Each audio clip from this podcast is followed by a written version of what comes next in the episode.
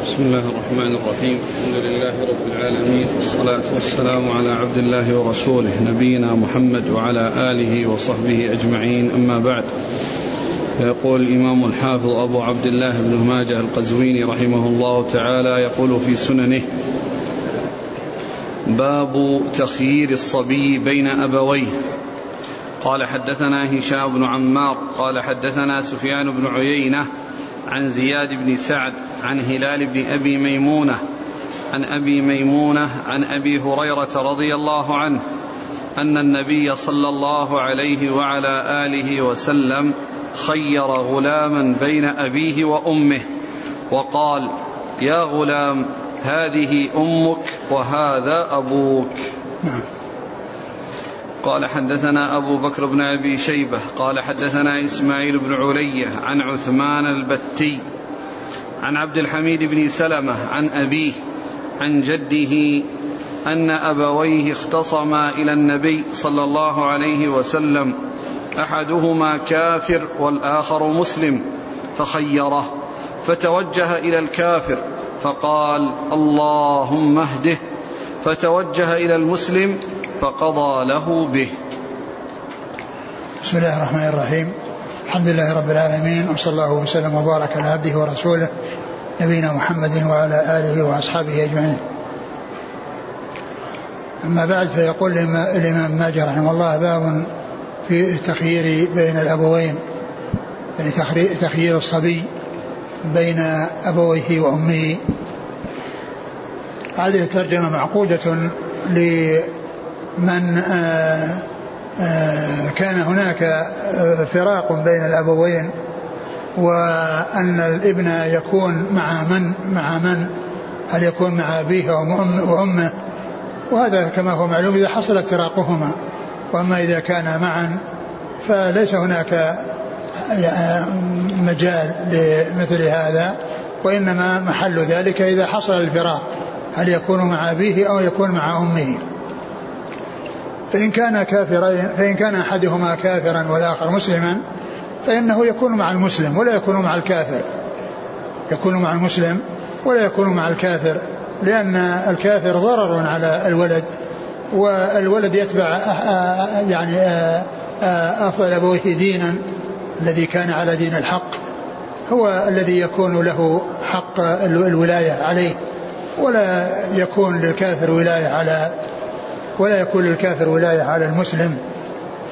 ثم أيضا ولاية الكافر سبب في آه، في آه، في انحرافه وسبب في آه، اعتناقه دين ذلك الكافر. كما جاء في الحديث كل مولود يولد على الفطرة فأبواه يهودانه أو ينصرانه أو يمجسانه. الحديث الآخر خلقت عبادي حنفاء فاجتالتهم الشياطين. فالكافر لا يكون له ولاية على مسلم. وإنما المسلم هو الذي له حق الولاية. هذا إذا كان أحدهما كافر والثاني مسلما فإنه يكون المسلم سواء كان أبا أو أما. حتى يبقى على دين الفطرة. إذا كان مع المسلم بقي على الفطرة واستمر على على دين الفطرة. وأما إذا كان الأب أو الأم يعني من أهل الكفر فإنهما يحرفانه إلى دينهما الباطل ويصرفانه إلى دينهما الباطل. وإذا حصل الفراق بين يعني مسلمين يعني زوج وزوجة فإنه إذا كان في حال الصغر وحال الحضانة فإن الأم هي أولى بالحضانة. الأم أولى بالحضانة من, من الأب لأن الصغير الذي بحاجة إلى آه، حضانة. أمه أولى به. أولى به من من أبيه. و ولهذا جاء في بعض الأحاديث أنت أحق به ما لم تنكحي. أنت أحق به ما لم تنكحي. يعني إذا كان مطلقة وهي ولدها معها فتنشئته آه، وحضانته يكون على أمه لا يكون على أبيه. فأما إذا يعني آه يعني آه بلغ سن التمييز فإنه فإن ال ال ال البنت تكون مع أبيها إذا كان بقاؤها مع أبيها خيرا. أما إذا كان أبوها سيئا أبوها سيئا وبقاؤها عنده فإنه يلحقها ضرر. وبقاؤها عند أمه أمها يكون أولى فإنها تكون مع أمها ولكن أباها أولى إذا كان ليس لا يخشى منه ضرر ولا يخشى منه فساد يعني وضياع يعني لها. والابن يخير بين أبيه وأمه الابن يخير بين أبيه وأمه ولكنه آه، عندما يكبر فإنه يكون مع أبيه يكون مع أبيه وهو أولى لأنه هو الذي آه، يقدر على التنشئة ويقدر على التربية بخلاف الأم. لكن إذا كان البقاء مع الأب يلحق به سوء ويلحق به ضرر فيقال فيه ما يقال في ما يقال في البنت. ثم ورد هذين الحديثين الحديث الحديث الأول عن أبي هريرة. عن أبي هريرة رضي الله عنه أن النبي صلى الله عليه وسلم خير غلاما بين أبويه وقال هذا أبوك وهذا أمك يعني اختر أيهما شئت. اختر أيهما شئت. ومعلوم أن هذا إن التخيير إنما يكون بعد التمييز. لا قبله لأن إذا كان قبله فالأم أولى به أولى بالحضانة من من الأب. الأم أولى بالحضانة من الأب ما لم تتزوج. أما إذا تزوجت وكانت مع زوج فقد لا يكون آه، بقاؤها أو بقاء الطفل مع زوج أمه آه، يكون مناسبا. وقد يكون مناسبا إذا كان الرجل يعني التزم وقبله وأنه يعامله يعني كما يعامل الأب أبناءه فإن ذلك لا بأس به. فإن ذلك لا بأس به. و وإذا بلغ سن التمييز فإن بقاءه مع أبيه أولى إلا أن يكون أباه على حال على حال سيئة. وأما في حال الصغر فالأم يعني آه، أنه دون تمييز فكونه مع أمه أولى من كونه مع أبيه إذا كان آه، آه، بقاؤه مع أمه أولى من كون بقائه مع أبيه.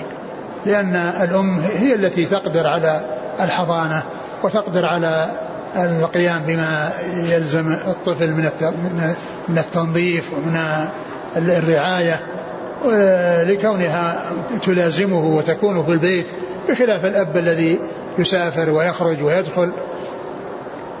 ثم ذكر الحديث الثاني أن النبي صلى الله عليه وسلم آه، آه، آه، خير غلاما أو صبيا بين أبويه وأحدهما مسلم والثاني كافر وأنه لما خير لما قال لأبيه قال له اختر فاتجه إلى الكافر قال الله صلى الله عليه وسلم اللهم اهده فاتجه إلى آه إلى إلى أبيه وأمه الكافر هو الأب ولا الأم توجه. نعم. أحدهما كافر والآخر مسلم. نعم أحدهما كافر. أنه اتجه إلى الكافر فقال اللهم اهده فاتجه إلى المسلم. معلوم أن الصبي الصغير آه تخييره وهو يعني يحبو أو طفل صغير هذا ليس عنده إدراك ولكنه مع أمه لا شك أنه أولى ما لم تكن أمه كافرة ما لم تكن أمه كافرة. ثم الحديث آه الذي ذكره المصنف فيه ضعف ولكنه جاء من طريق أخرى يعني مستقيمة ولكن هذا إذا صح وثبت فإنه يحمل يعني على أن هذا من خصائصه صلى الله عليه وسلم. لأنه هو الذي يعني لما اتجه إلى الكافر قال اللهم اهده فاتجه إلى المسلم فهذا من خصائص عليه الصلاة والسلام. فكون الطفل يخير يعني هو صغير يحبو بين أبيه وأمه الكافر الكافر ومسلم يعني الرسول دعا هذا إذا إذا كان صح الحديث فحصل له ذلك بدعوته صلى الله عليه وسلم أنه انحرف أو اتجه من الكافر إلى إلى المسلم. وهذا لا يقال في حق غيره بل يكون مع المسلم. ويكون الحكم أنه يكون للمسلم مطلقا ولا يكون مع الكافر. لأن الكافر يخشى عليه أن يصرفه عن دين الفطرة الذي هو دين الإسلام إلى دين الكفر سواء كان يهودي دين اليهودية أو النصرانية أو المجوسية أو غير ذلك من أصناف الكفر. نعم. قال حدثنا هشام بن عمار. صدوق أخرجه البخاري وأصحاب السنن عن سفيان بن عيينة. ثقة أخرج أصحاب الكتب. عن زياد بن سعد. هو؟ ثقة أخرج أصحاب الكتب. نعم. عن هلال بن أبي ميمونة. وهو؟ ثقة أخرج أصحاب الكتب. نعم. عن أبي ميمونة. وهو؟ ثقة أخرج أصحاب السنن. نعم. عن أبي هريرة. نعم. قال حدثنا أبو بكر بن أبي شيبة. ثقة أخرج أصحاب الكتب للترمذي عن إسماعيل بن علية إسماعيل بن إبراهيم بن علية منسوب إلى أمة علية وهو ثقة أخرج أصحاب الكتب. عن عثمان البتي. وهو صدوق عيب عليه الافتاء بالرأي أخرج حديثه. أصحاب السنن. نعم. عن عبد الحميد بن سلمة. عبد الحميد بن سلمة هو؟ مجهول خرجه النسائي بن ماجه. نعم. عن أبيه. وهو؟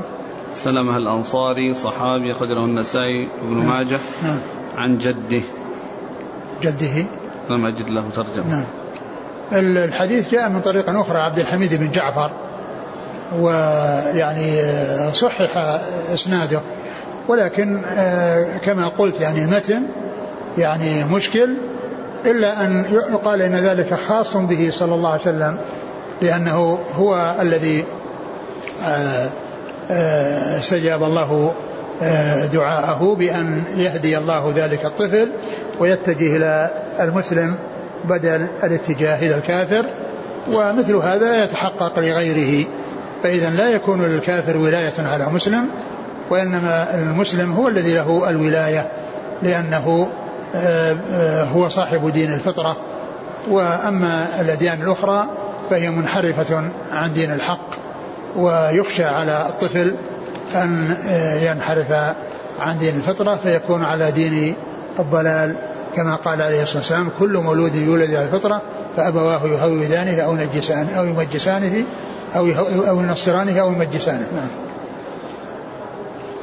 الحديث لكن يختلف عن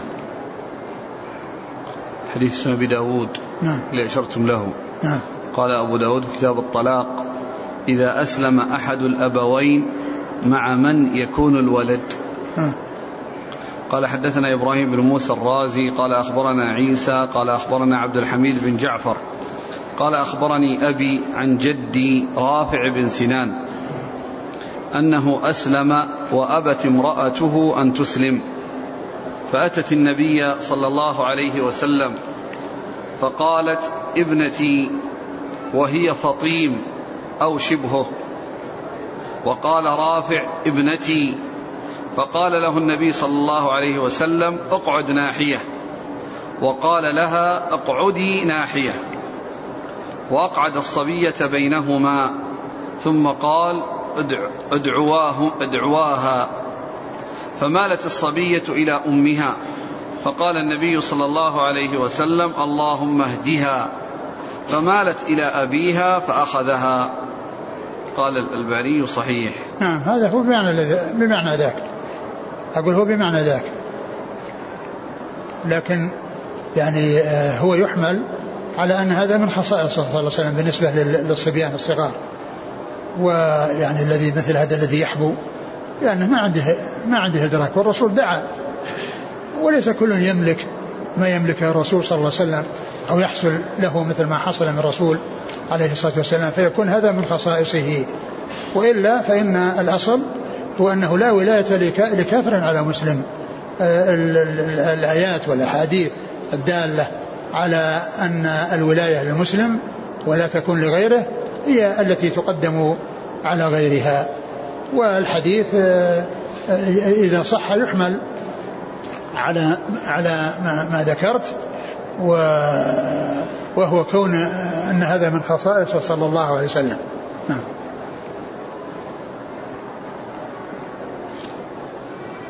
يقول ما الحكم لو ولا يخير بين المسلم والكافر بل هو للمسلم. لا تخير بين المسلم والكافر بل هو للمسلم.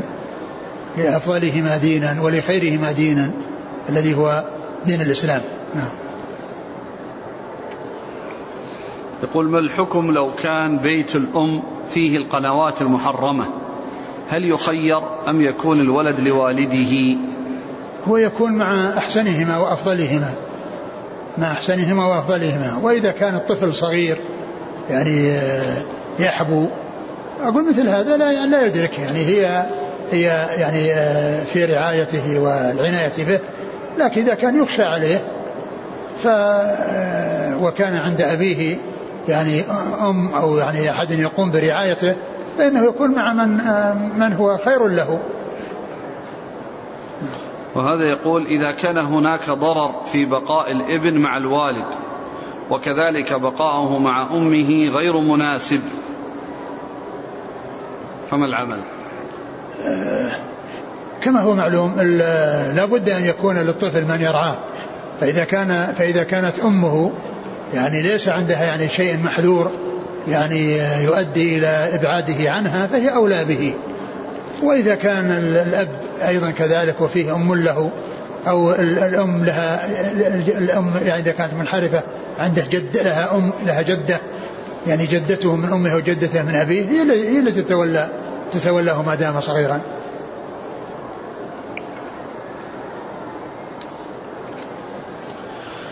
قال رحمه الله تعالى باب الصلح. قال حدثنا أبو بكر بن أبي شيبة قال حدثنا خالد بن مخلد قال حدثنا كثير بن عبد الله بن عمرو بن عوف عن أبيه عن جده رضي الله عنه أنه قال سمعت رسول الله صلى الله عليه وسلم يقول الصلح جائز بين المسلمين. إلا صلحا حرم حلالا أو أحل حراما. ثم ذكر باب الصلح. والصلح هو الاتفاق اتفاق الطرفين المختلفين على ما يتفقان عليه مما يكون فيه تراضيهما مما يكون فيه التراضي بينهما بحيث يعني يكون بينهما شيء يتفقان على ذلك الشيء الذي بينهما إما باقتسامه أو بتنازل أحدهما عن عن عن شيء آه، يعني يطالب به وإقرار الآخر آه، بموافقته. فالصلح جائز لأن لأن الصلح إذا حصل والاتفاق ما في حاجة للقاضي ولا في حاجة للخصومة عندما يكون الاتفاق بين الطرفين المتنازعين لأن ذلك فيه آه، راحة من الذهاب إلى القضاء. والصلح جائز بين المسلمين بل آه، مرغب فيه والصلح خير كما قال الله عز وجل وإلا صلحا حرم حل حراما أو حل حراما إلا صلحا يعني حرم حلالا أو حل حراما فإن هذا لا يجوز لأن الصلح آه، لابد أن يكون على شيء سائغ وعلى شيء مباح لا أن يكون على أمر محرم بحيث يعني يستحل المحرم أو يحرم الحلال وإنما يعني آه، في ما يكون سالما من هذا وهذا. ولهذا قال عليه الصلاة والسلام إلا صلحا حل حراما أو حرم حلالا فإنه لا يجوز الصلح. لأن الصلح لابد أن يكون على أمر سائغ شرعا على أمر سائغ شرعا وعلى أمر مباح شرعا وأمر جائز شرعا. ولهذا قال صلى الله عليه وسلم الصلح جائز بين المسلمين. والحديث في إسناده ضعف. يعني شديد ولكنه جاء له طرق يعني يقوي يعني أحاديث يعني من وشواهد يقوي بعضها بعضا فهو ثابت وصحيح الصلح الصلح جائز بين المسلمين إلا صلحا حرم حلالا أو حل حراما. يعني فإن ذلك غير جائز. نعم. قال حدثنا أبو بكر بن أبي شيبة عن خالد بن مخلد. خالد بن مخلد القطواني هو صدوق له أصحاب الكتب إلا أبا داود ففي. مسند مالك. نعم. عن كثير ابن عبد الله بن عمرو بن عوف. وهو ضعيف رجل نعم. أبو البخاري في جزء القراءة وأبو داود والترمذي وابن ماجه. نعم. عن أبيه وهو مقبول أخرجه البخاري في جزء القراءة وأبو داود والترمذي وابن ماجه. نعم. عن جده رضي الله عنه أخرج له. البخاري تعليقا وأبو داود والترمذي وابن ماجه. نعم. قال رحمه الله تعالى باب الحجر على من يفسد ماله. قال حدثنا أزهر بن مروان قال حدثنا عبد الأعلى قال حدثنا سعيد عن قتادة عن أنس بن مالك رضي الله عنه أن رجلا كان في عهد رسول الله صلى الله عليه وسلم في عقدته ضعف وكان يبايع وأن أهله أتوا النبي صلى الله عليه وعلى آله وسلم فقالوا يا رسول الله احجر عليه.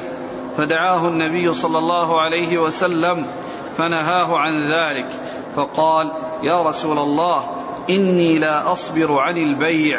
فقال إذا بايعت فقل ها ولا خلابة. ثم ذكر باب الحجر على من يفسد ماله. الحجر على من يفسد ماله. الحجر يعني منعه من التصرف في ماله. لأنه آه، آه، يترتب عليه ضياعه وإتلافه. ومن المعلوم أن المحجور عليهم يختلفون.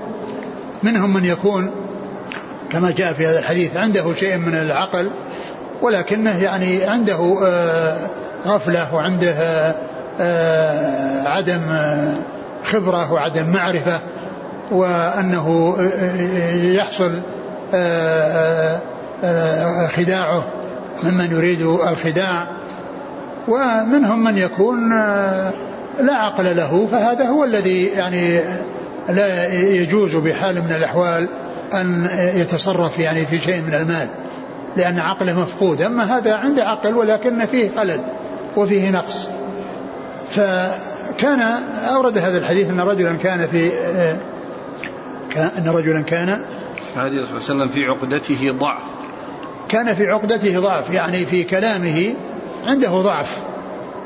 ف يعني فجاء أهله وطلبوا من النبي صلى الله عليه وسلم أن يحجر عليه يعني يمنعه من التصرف في ماله أو يأذن لهم في منعه من التصرف في ماله. فالرسول صلى الله عليه وسلم دعاه ونهاه عن عن التصرف وعن البيع والشراء وقال إنه لا يقدر أن يصبر عن البيع والشراء لأنه ألف ذلك. فالرسول صلى الله عليه وسلم تركه وقال إذا إذا بايعت فقل لا خلافة يعني لا خديعة يعني حتى يعرف من آه، يبايعه ومن يعامله بأن عنده شيء من النقص فيراعي حاله وأيضا يحذر من أن يحصل منه شيء يترتب عليه أنه يرد عليه البيع وأنه يعاد عليه البيع بسبب أنه آه، آه، خدعه أو أنه آه، عامله معاملة يعني بسبب ضعفه فيترتب على ذلك أنه يرد عليه البيع ويعاد عليه ما باعه. فإذا قال لا خلابة إلى إلى إلى خديعة فإن من يقول له هذه الكلمة يتنبه له.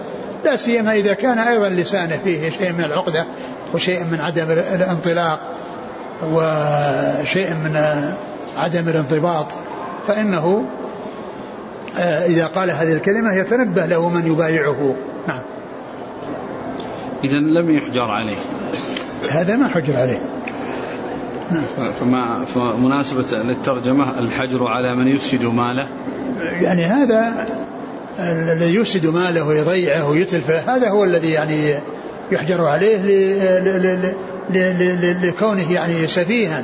أما إذا كان عنده شيء من العقل مثل هذا فالرسول صلى الله عليه وسلم أمره بأن يستمر على ما هو عليه ولكن يقول لا, لا, لا, لا خلافه لا, لا خلافه نعم. قال حدثنا أزهر بن مروان هو صدوق له الترمذي بن ماجه نعم. عن عبد الأعلى عبد عبد الأعلى بن عبد الأعلى ثقة أخرج أصحاب الكتب. عن سعيد عن قتادة. سعيد بن أبي عروبة ثقة أخرج أصحاب الكتب وقتادة بن دعامة ثقة أخرج أصحاب الكتب. عن أنس بن مالك. نعم.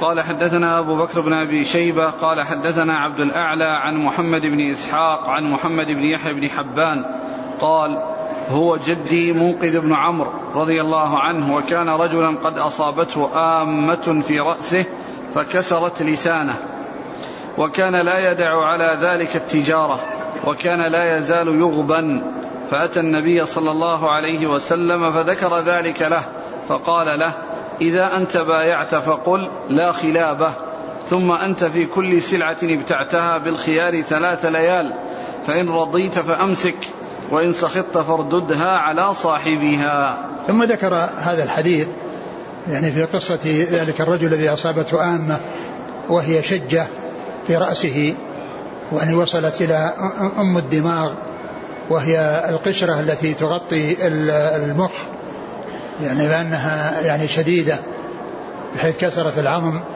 وصلت إلى يعني الدماغ ولم يبقى إلا الغشاء الذي عليه. فصار في ذلك شيء من الخلل وشيء من النقص. وكان يعني يبيع ويشتري ويعني ولا يستطيع أن يترك البيع. فالنبي صلى الله عليه وسلم قال له إذا بايعت فقل لا خلابه إذا بايعت فلا لا خلابه لأنه كان يغبن إنه كان يغبن يعني بمعنى أنه يزيد عليه يعني أو يزاد عليه في السلعة. لعدم خبرته وعدم فهمه وإدراكه. ثم قال أنت بالخيار. يعني ثلاثا يعني بعد ذلك يعني ثلاثة أيام إن آه إن أردت أن تبقي على ما آه حصل من الشراء وإلا فارجعها إلى صاحبها لأنه قال عند ذلك هذه الكلمة التي تدل على ضعفه فيكون ذلك الذي غبنه وزاد عليه آآ آآ لهذا المغبون أن يرجع وأن يعيد ما اشتراه إلى إلى إلى حدود ثلاثة أيام. نعم. قال حدثنا أبو بكر بن أبي شيبة عن عبد الأعلى عن محمد بن إسحاق. محمد بن إسحاق صدوق أخرجه البخاري تعليقا ومسلم وأصحاب السنن عن محمد بن يحيى بن حبان. وهو ثقة أخرج له. أصحاب الكتب. نعم. قال هو جدي منقذ بن عمرو وكان رجل نعم وكان وكان. وكان رجلا قد أصابته آمة وش وش صار في جده وش من هو؟ ما ما له ترجمة. نعم منقذ؟ مم. لم أجد له ترجمة. نعم. يكون صورة مرسل. نعم. لا يقول آه، أصابته آمة في رأسه فكسرت لسانه. يعني لسانه تغير يعني. يعني مثل مثل ذاك اللي مر فيه عقدة. يعني تغير لسانه يعني من نطق الكلام. يعني ما هو إنسان طبيعي في التكلم. طبعا أثرت على لسانه وعلى كلامه. قول الشارح قال أكثر أهل العلم وهذا خاص بهذا الرجل وحده ولا يثبت لغيره الخيار بهذه الكلمة. يعني الأصل إذا ثبت الحديث فليس هناك يعني آه، تخصيص إلا بدليل.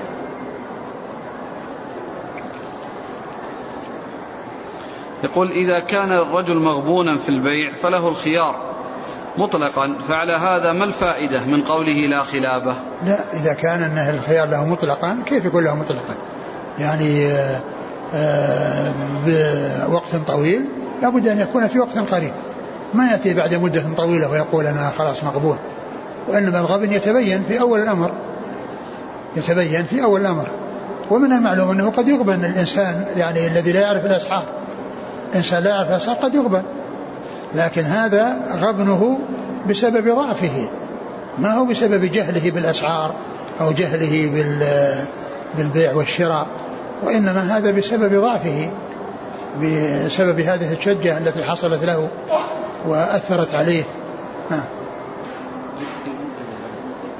حبة آه، يقول الأخ ألا يلحق؟ هل يلحق بالترجمة؟ الحجر على من يفسد أديان وعقائد الناس؟ لا شك أن, أن, أن الذي يفسد يعني مثل ما قال مثل ما قال ربيعة يعني في من يفتي ويغر الناس قال ولا بعض من يفتي أولى بالسجن من السراق. وهذا قريب منه يقول هل لولي الأمر أن يحجر على المتعالمين ممن له له أن يمنع له أن يمنع يعني الفتوى ممن ليس أهلا لها. قال رحمه الله تعالى باب تفليس المعدم والبيع عليه لغرمائه.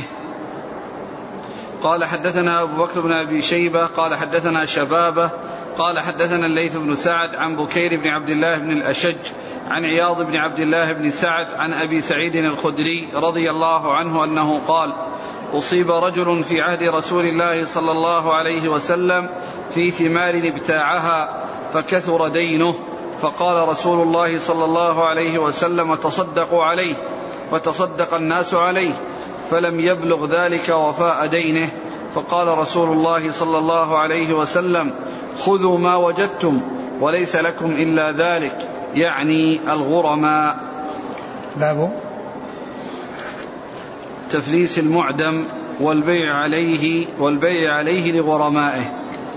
باب تفليس المعدم آه، والبيع عليه لغرمائه. يعني الإنسان الذي هو مدين وأصحاب الديون يطالبون وليس عنده سداد فإنه آه، يعني يحكم بإفلاسه ويعني إذا كان عنده أشياء يعني فإنها تباع وتكون للغرماء. وأورد هذا الحديث الذي فيه أن رجلا كان يعني اشترى ثمارا فكان أصيب بها يعني من خسر وصار عليه ديون يعني بسبب ذلك. فالنبي صلى الله عليه وسلم قال تصدقوا عليه فتصدقوا عليه ولم يبلغ ذلك وفاء دينه فقال للغرماء خذوه وليس لكم إلا ذلك. يعني ليس لكم إلا ذلك لا يعني ذلك أن هذا هو حقهم بل حقهم باق في ذمته. ولكن هذا هو الذي آه، أمكن أن آه، آه، يسدد عنه أو أمكن أن يقضى عنه.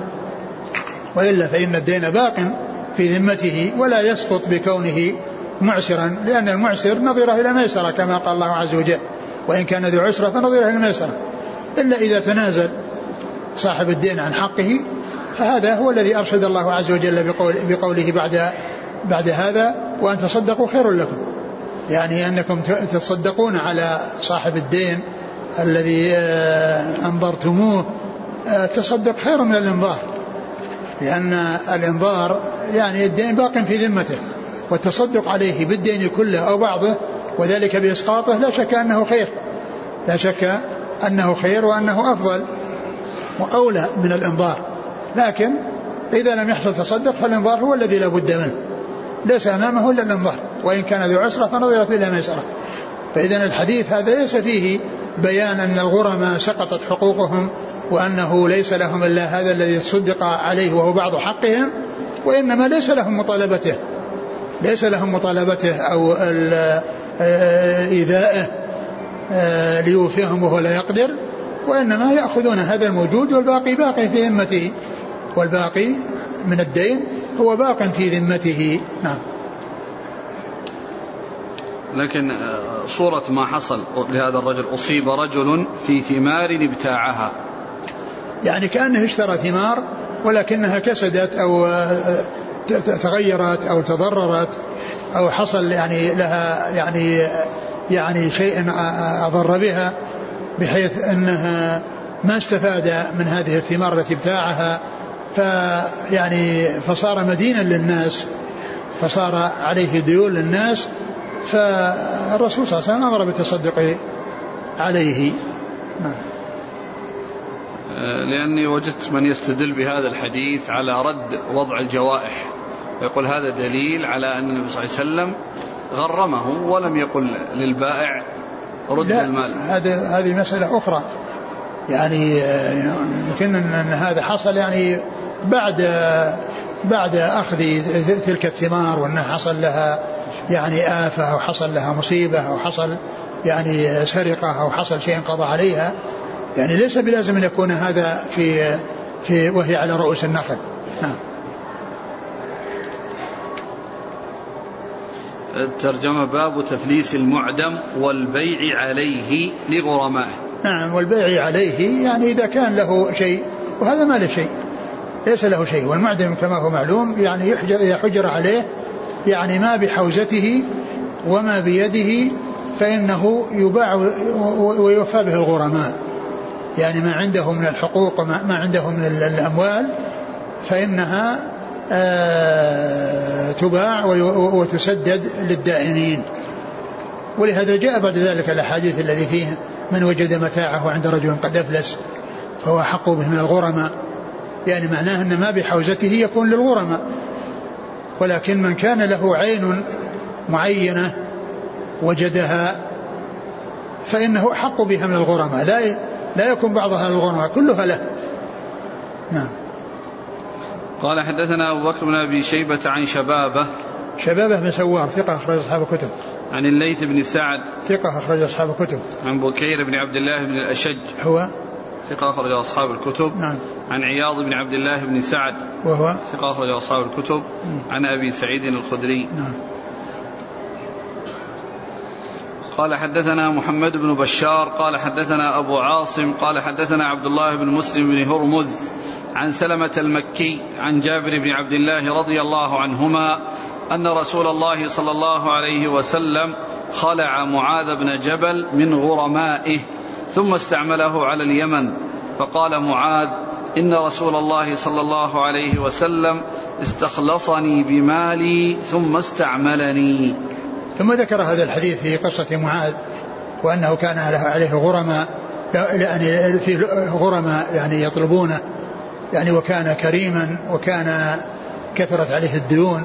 فالرسول عليه الصلاة والسلام باع الأشياء التي عنده وأوفى بها الغرماء ثم استعمله يعني على على على العمل ليحصل شيئا ليؤدي الشيء المطلوب منه ويحصل بذلك أجرا أو يحصل شيئا يعني يستفيد منه هو أهله بعد أن ذهب ما عنده للغرماء.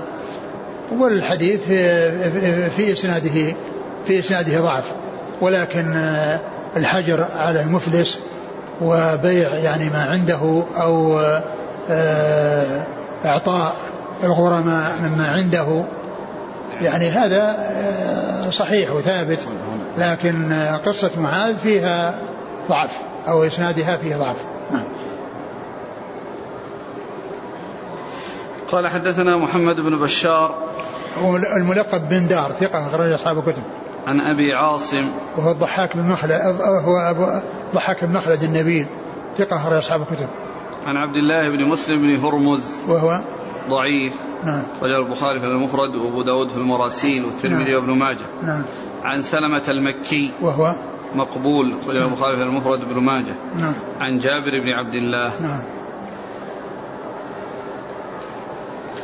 قال رحمه الله تعالى باب من باب من وجد متاعه بعينه عند رجل قد أفلس. قال حدثنا أبو بكر بن أبي شيبة قال حدثنا سفيان بن عيينة حا قال وحدثنا محمد بن رمح. قال أنبأنا الليث بن سعد جميعا عن يحيى بن سعيد عن أبي بكر بن محمد بن عمرو بن حزم عن عمر بن عبد العزيز عن أبي بكر عن أبي بكر بن عبد الرحمن بن الحارث بن هشام عن أبي هريرة رضي الله عنه أنه قال قال رسول الله صلى الله عليه وعلى آله وسلم من وجد متاعه بعينه عند رجل قد أفلس فهو أحق به من غيره ثم ذكر باب من وجد متاعه بعينه عند رجل قد أفلس. من وجد متاعه بعينه عند رجل قد أفلس. يعني فما الحكم؟ يعني معناه أنه يستحقه هو وحده ولا يكون أسوة الغرماء لأن المفلس إذا حجر عليه فإن ما بحوزته يوزع على الغرماء يباع ويوزع على الغرماء لكن يستثنى من ذلك من كانت سلعته موجودة بعينها بأن يكون مثلا باعه ناقة ثم حجر عليه الناقة موجودة هي نفسها الناقة التي باعها عليه موجودة فإنه يستحقها وحده. يستحقها وحده ما أحد يشارك فيها أو تباع وتوزع على الغرماء لأنه ما دام نفس العين التي آه، تخصه موجودة فإنها فإنه أحق بها من غيره. أحق بها من غيره. وجاء في بعض الروايات أنه إذا لم يستوفي شيئا من من الثمن. يعني إذا كان استوفى شيئا من الثمن يعني معناه أن أنها ليس مثل الإنسان الذي آآ آآ لم يستوفي شيئا لأنه ما أخذ حقه ويأخذ الناقة. لكن إذا كان دفع شيئا أو وصل إليه شيء وإنما بقي عليه يعني شيء قليل أو كثير فإن هذا يختلف الحكم فيه. فإن هذا يكون مثل الغرماء لأنه وصل إليه بعض حقه. وصل إليه بعض حقه فيكون الباقي هو مثل غيره. آه، أورد هذا الحديث أن النبي صلى الله عليه وسلم قال ما وجد متاعه عند رجل قد أفلس. وكلمة رجل هذه لا مفهوم لها لأن المرأة كذلك.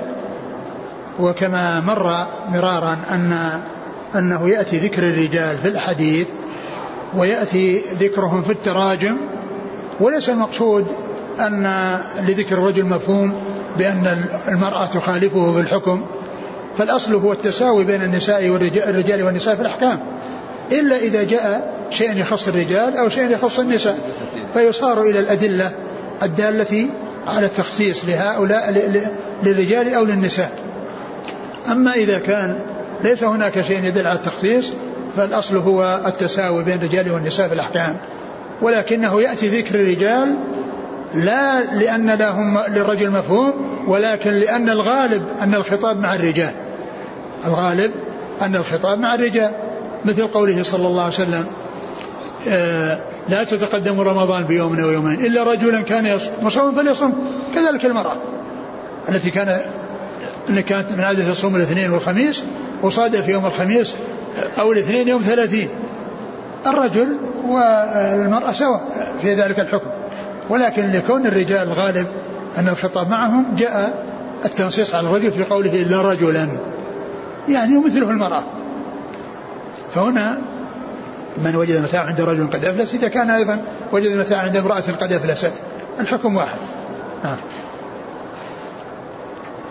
قال حدثنا أبو بكر بن أبي شيبة عن سفيان بن عيينة حا قال وحدثنا محمد بن رمح. محمد بن رمح المصري ثقة أخرج حديث مسلم وابن ماجه. عن الليث بن سعد جميع أخرج أصحاب الكتب. جميعا عن يحيى بن سعيد. آه، الأنصاري ثقة أخرج أصحاب الكتب. عن أبي بكر بن محمد بن عمرو بن حزم. وهو ثقة أخرج له. أصحاب الكتب. نعم. عن عن عمر بن عبد العزيز. رضي الله عنه ثقة أخرج له. أصحاب الكتب. نعم. عن أبي بكر بن عبد الرحمن بن الحارث بن هشام. وهو ثقة أخرج أصحاب الكتب. عن أبي هريرة. نعم.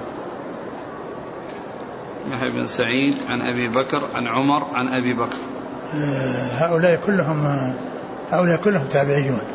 لأن يحيى بن سعيد من صغار التابعين. يحيى وعمر ويحيى يروي عن أبي بكر بن محمد وذاك يروي عن عن عمر وأبو بكر هؤلاء يروي من التابعين في إسناد واحد.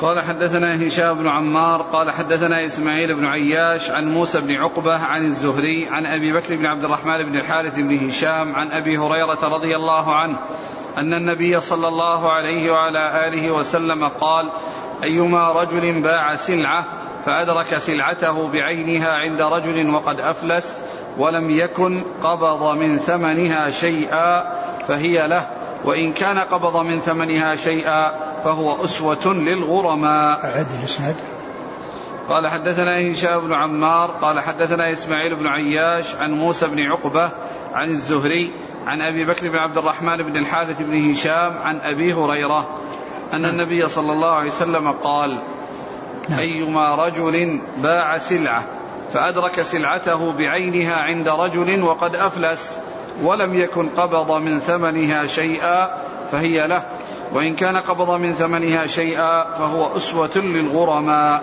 ثم ذكر هذا الحديث الذي فيه أن أن أن أن أيما رجل ابتاع سلعة من رجل وقد وجده قد أفلس ووجد يعني سلعته بعينها فهو أحق بها إذا لم يكن قبض من ثمنها شيئا.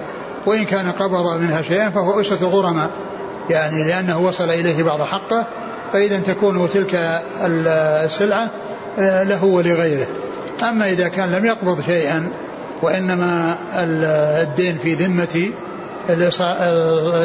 المشتري والسلعة موجودة بعينها فإنه يستحقها إذا كان لم يقبض شيئا. وإن كان قد قبض يعني شيء من ثمنها فهو أسوة الغرماء بمعنى أنها تباع ثم تقسم على الغرماء وهو واحد منهم على حسب النسبة بالنسبة للديون لأنهم يتفاوتون في الديون. والقسمة بينهم إنما هي على حسب الديون. فقد تغطى الديون وقد تنقص ولكن كل يعني يصل إليه بنسبة حقه. يعني ليس ليست القضية بأن آه، آه، يعطى كل كما يريد وإنما على حسب نسبته. من كان نصيبه من الدين كثيرا فيكون له نصيب كثير من من هذا الذي آه، يوزع. ومن كان نصيبه قليل يعطى يعني قليل لأنه تجمع الحقوق ثم توزع أو يوزع الموجود على حسب نسبها. فمن كان دينه كثيرا يأخذ شيئا كثير ومن كان دينه قليل يأخذ شيئا قليلا يعني على حسب آه، على حسب آه، النسبة. ثم هنا ذكر البيع وأنها خرجت منه ببيع. والحديث الأول عام سواء كان ببيع أو غير بيع وجد سلعته عند رجل قد أفلس فإنه أحق بها. وهذا حصل عن طريق البيع. وهذا يدخل تحت القاعدة التي هي إفراد فرد من أفراد العام بحكم العام لا يخصص العام. يعني لا يقصر الحكم على البيع وإنما العام يعني شامل ولكن ولكنه قد ذكر في بعض ذكر بعض أفراده فذكر بعض الأفراد لا يخصص العام ويقصر حكمه عليه بل العام باق على عمومه ويكون الخاص. هذا ذكر مرة على مع أنه داخل ضمن غيره وذكر مرة على أنه منصوص عليه لكن التنصيص عليه لا يقصر حكم العام عليه. وهذه قاعدة مشهورة إفراد فرد من أفراد العام بحكم العام لا يخصص العام ولا يقصر حكمه عليه بل يبقى على عمومه يبقى على عمومه. ثم أيضا فيه ذكر الرجل مرتين في الحديث. أيما رجل وجد متاعه عند رجل وهذا مثل الذي قبله يعني أيما رجل أو امرأة وجد متاع عند رجل أو امرأة فإن الحكم واحد ولا فرق بين الرجال والنساء. نعم. قال حدثنا هشام بن عمار عن إسماعيل بن عياش. إسماعيل بن عياش صدوق في روايته عن الشاميين. نعم. البخاري في رفع اليدين وأصحاب السنن. موسى بن عقبة ثقة أخرج أصحاب الكتب. إذا هنا يروي عن غير أهل بلده. نعم. عن الزهري عن أبي بكر بن عبد الرحمن بن الحارث بن هشام عن الزهري محمد بن مسلم بن عبيد الله ثقة أخرج أصحاب الكتب. أبو بكر بن عبد الرحمن بن الحارث. نعم. آه. عن أبي هريرة. نعم. قال حدثنا إبراهيم بن المنذر الحزامي وعبد الرحمن بن إبراهيم الدمشقي قال حدثنا ابن أبي فديك عن ابن أبي ذئب عن أبي المعتمر بن عمرو بن رافع عن ابن خلدة الزرقي وكان قاضيا بالمدينة. قال جئنا أبا هريرة رضي الله عنه في صاحب لنا قد أفلس. فقال هذا الذي قضى فيه النبي صلى الله عليه وسلم. أيما رجل مات أو أفلس فصاحب المتاع أحق بمتاعه إذا وجده بعينه. ثم ذكر هذا الحديث عن عن أبي هريرة أن النبي صلى الله عليه وسلم قال أيما رجل مات أو أفلس نعم. فصاحب المتاع أحق بمتاعه إذا وجده بعينه. أحق بالمتاع إذا وجده بعينه. آه هذا الحديث مثل الذي قبله لأن في ذكر الموت مع الإفلاس. يعني أفلس يعني هو موجود أو مات وعليه وعليه دين. فيعني ذكر هنا أن أنه من وجد سلعته أو وجد متاعه عند رجل قد مات أو أفلس فإنه أحق من الغرماء بسلعته أحق من الغرماء بسلعته. وهذا فيه التسوية بين الحياة والموت وأن وأن من وجد سلعته عند رجل قد مات وهي من من ماله ومن تركته فإنه أحق بها من غيره. كما أنه أحق بسلعته عند الرجل الذي قد أفلس. ويمكن أن يقال أن هناك فرق بين حال الإفلاس وحال الموت لأن المفلس على قيد الحياة ويمكن أنه يحصل آه، يعني شيء له يعني أو يحصل شيء من سداد. وأما الذي قد مات قد انتهى ولا يجب على ورثته أنهم يقضون ديونه لا يجب على ورثته يقضون ديونه. فقد يعني يعني يضيع حقه. نعم. قال حدثنا إبراهيم بن المنذر الحزامي. هو؟ صدوق غير البخاري والترمذي والنسائي بن ماجه. نعم. وعبد الرحمن بن إبراهيم الدمشقي. وهو الملقب دحيم ثقة أخرج له. البخاري وأبو داود والنسائي بن ماجه. نعم. عن ابن أبي فديك. وهو ثقة أخرج أصحاب الكتب. صدوق. صدوق أخرج أصحاب الكتب. عن ابن أبي ذئب. وهو محمد بن عبد الرحمن ثقة أخرج أصحاب الكتب. عن أبي المعتمر بن عمرو بن رافع. وهو مجهول. مجهول الحال. نعم. أبو داود وابن ماجه. نعم. عن ابن خلدة الزرقي. هو؟ عمر ثقة أخرجه أبو داود بن ماجه. نعم. عن أبي هريرة. نعم. قال حدثنا عمرو بن عثمان بن سعيد بن كثير بن دينار الحمصي. قال حدثنا اليمان بن عدي. قال حدثني الزبيدي محمد بن عبد الرحمن عن الزهري عن أبي سلمة. الوليد أقول هو محمد الوليد في النسخ الأخرى. نعم. وهو محمد الوليد وليس محمد عبد الرحمن. إذا حتى الزبيدي يصير الزبيري. لا زبيدي. عندك وين؟ زبيري؟ الزبيدي. أي هو الزبيدي نعم. في الزبيري؟ لا هو الزبيدي.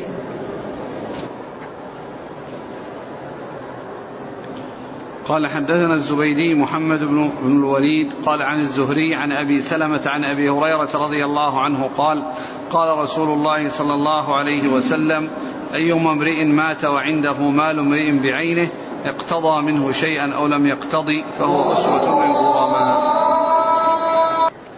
قال حدثنا عمرو بن عثمان بن سعيد بن كثير بن دينار الحمصي قال حدثنا اليمان بن عدي قال حدثني الزبيدي محمد بن الوليد عن الزهري عن أبي سلمة عن أبي هريرة رضي الله عنه قال قال رسول الله صلى الله عليه وعلى آله وسلم أيما امرئ مات وعنده مال امرئ بعينه اقتضى منه شيئا أو لم يقتضي فهو أسوة للغرماء. ثم ذكر هذا الحديث أن النبي صلى الله عليه وسلم قال أيما امرئ مات وعنده مات مال. وعليه وعنده مال. وعنده مال. وعنده مال امرئ بعينه. وعنده مال امرئ بعينه يقتضى منه أو لم يقتضي فهو أسوة الغرماء. لأن لأن يعني هذا يتعلق بالموت. وإذا كان قد وجد يعني متاعه يعني بعينه سواء اقتضى أو ما اقتضى فإنه يكون أسوة الغرماء. يعني لا يختص به مثل ما كان في الحياة في التفليس وإنما يعني يكون هو غيره والفرق بين حالة الحياة وحالة الموت أن حالة الحياة في أمل أن حقه يصل إليه لأنه موجود على قد الحياة يعني يكدح ويحصل وقد يرزقه الله عز وجل فيسدد بقية ديونه. وأما إذا كان قد مات خلاص انتهى. ما عنده الذي الذي خلفه و و آه، آه، وليس هناك ولا يلزم الورثة أن يقوموا بتسديد ديونه. فهناك فرق بين حالة الحياة وبين حالة الموت. ولهذا سوى بين من اقتضى ومن لم يقتضي. سواء اقتضى أو لم يقتضي فهو أسوة الغرماء. لأن لأن الأمر انتهى وليس هناك إلا هذا الموجود. فإذا يشتركون فيه ولا يختص به أحد يختص به دون أحد. ولهذا مر في الحديث السابق إذا كان قد اقتضى فإنه آه يعني آه يعني يكون أسوة الغرماء وإذا كان لم يقتضي فإنه يكون يكون آه خاصا به يعني في حال التفليس. نعم. كان الآن ما يعارض ما قبله؟ وش اللي قبل أيما رجل مات أو أفلس فصاحب المتاع أحق بمتاعه إذا وجده بعينه. نعم. لا في الحديث الآخر ذاك اللفظ الآخر اللي فصل اللي بعده. هذا اللي قرأنا آخر شيء؟ لا اللي قبله قبل هذا. أيما رجل باع الذي فيه, الذي فيه قضاء أو لا؟ لا هذا واضح لدي لكن السؤال على رجل مات أو أفلس. أي نعم. مات. نعم. فصاحب المتاع أحق بمتاعه إذا وجده بعينه. نعم. إذا وجده بعينه. وش بعده؟ فيه قضاء؟ لا هذا ال... هذا آخره. إيه. إيه. نعم آه هذا يفيد بأنه آه يعني ولكن فيه بعض العلماء فرق بين حالة الحياة والموت آه بأن حالة الحياة أنه في مجال للسداد ولهذا يختص به آه في يعني آه وفي حالة الموت ليس في مجال فلهذا يشترك فيه الغرماء. قال حدثنا عمرو بن عثمان بن سعيد بن كثير بن دينار الحمصي. صدوق أخرج له؟ أبو داود والنسائي بن ماجه. نعم. عن اليمان بن عدي. وهو؟ لين الحديث أخرجه نعم. ابن ماجه. نعم. عن الزبيدي محمد بن الوليد. وهو ثقة أخرج أصحاب الكتب إلا؟ الترمذي. نعم. عن الزهري عن أبي سلمة عن أبي هريرة. أبو سلمة بن عبد الرحمن بن عوف ثقة أخرج أصحاب الكتب. قال رحمه الله تعالى باب كراهية الشهادة لمن لم يستشهد. والله تعالى أعلم وصلى الله وسلم وبارك على عبده ورسوله نبينا محمد وعلى آله وأصحابه أجمعين. جزاكم الله خيرا وبارك الله فيكم. ألهمكم الله الصواب ووفقكم للحق. نفعنا الله ما سمعنا وغفر الله لنا ولكم وللمسلمين أجمعين. آمين. آه، بالنسبة للمفلس آه، ماذا يباع من أمتعته؟ يقول هل المفلس يحجر عليه على على ماله لصالح الغرماء ويبقى له ما يكفيه لنفقته. نعم. ما يكفي نفقته وأيضا يعني أثاثه الذي الذي لا بد منه وبيته الذي هو فيه مسكنه الذي هو فيه وإنما الأمور الأخرى التي هي خارجة عن عن الأشياء التي لا بد منها له. ذكرتم مسألة الدين. نعم. و قضاء قضاء الدين عن الميت. نعم. لو أعدتم القول نعم فيها. القضاء قضاء الورثة أو قضاء الأقارب الدين عن الميت ليس بواجب عليهم. يعني إن قضوا فهو خير وهذا من البر والإحسان وإلا فإنه لا يجب على على أقارب الميت أن يقضوا دينه سواء كان لله أو للآدميين. إن فعلوا ذلك فهم محسنون وإن لم يفعلوا ذلك فليس بواجب عليهم. ولهذا فرق بين حال الإفلاس وحال الموت. لأن الإفلاس الرجل موجود وقد آه، ييسر الله له شيء من الرزق وشيء من المال فيوفي أصحاب الديون. وأما من مات فإنه قد انتهى ليس عنده إلا ما هو موجود. والورثة لا يلزمهم أو الأقارب لا يلزمهم أن يسددوا ديون الميت ولا كذلك أيضا لا يجب عليهم أن يقضوا ما عليه من حق الله عز وجل مثل الصيام أو الحج. وإنما إن تبرعوا وأحسنوا فذلك خير وإلا فإنه لا يجب عليه. لأن بعض الأخوة جاء أتى بأسئلة يعني فهم أن على الإطلاق أنتم تتكلمون عن المفلس اللي لم يدع إرثا ها؟ أنتم تتحدثون عن المفلس اللي ليس له تركة. أما من الذي مات؟ أي. الذي مات؟ نعم. نعم. الذي ليس له يعني ليس له لأن التركة إذا كانت موجودة فالدين مقدم على على الميراث. فاستدل بعض الأخوة يقول من بعد وصية يوصى بها أو دين. نعم. فكيف الشيخ يقول ما في ما عليهم قضاء؟ لا ما عليهم قضاء. يعني آه من من مالهم. يعني ما يقضون الديون من مالهم.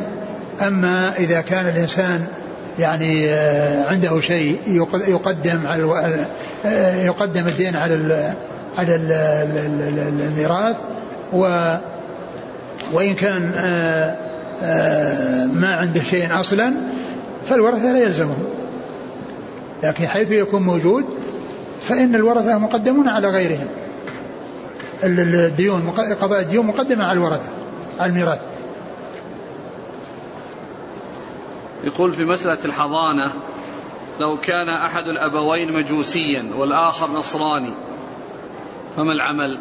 لا شك النصراني أولى من المجوسي لأن من أهل الكتاب أهل الكتاب مقدمون على غيرهم ولهذا يجوز أكل طعامهم ويجوز نكاح نسائهم فهم يعني يعني خير وأحسن من أولئك وإن كان كلهم كلهم كفار وكلهم في النار لكن بعض شرهم بعض.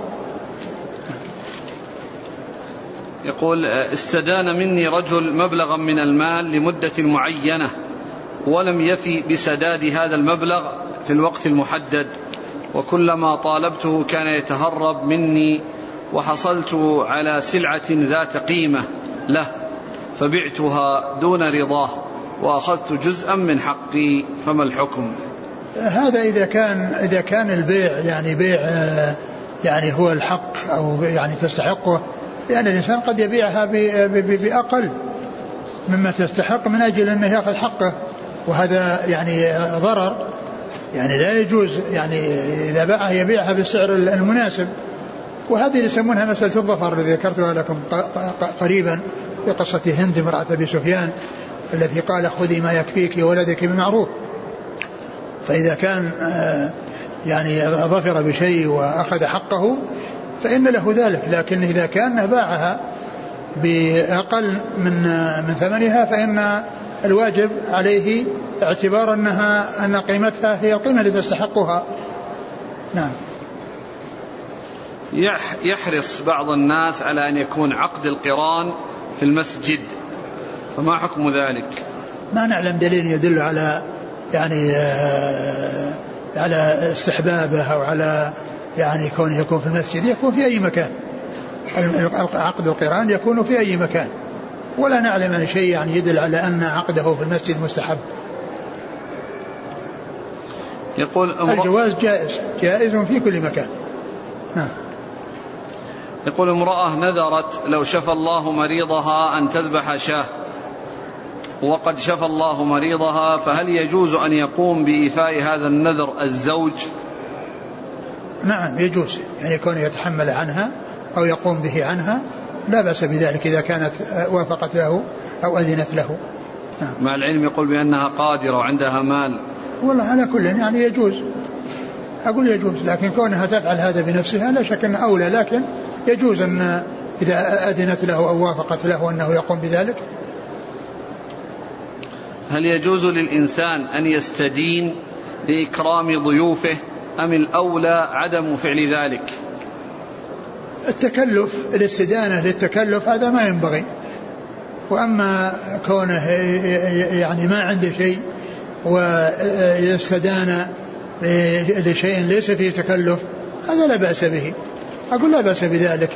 يعني يكون إنسان في وقت من الأوقات ما عنده شيء ولكنه سيأتيه. فأراد في الحالة الراهنة أنه يحصل من غيره يعني قرضا بحيث يوفيه بعد يعني بعد في, في الوقت الذي ينتظر فيه وصول شيء إليه فإن هذا لا بأس به. لكن ما ينبغي أن يستدين من أجل أن يتكلف تكلفا عظيما. وأن يأتي بشيء يعني زائد الذي هو تكلف هذا ما ينبغي. نعم. جزاكم الله خيرا. سبحانك اللهم وبحمدك أشهد أن لا إله إلا أنت أستغفرك.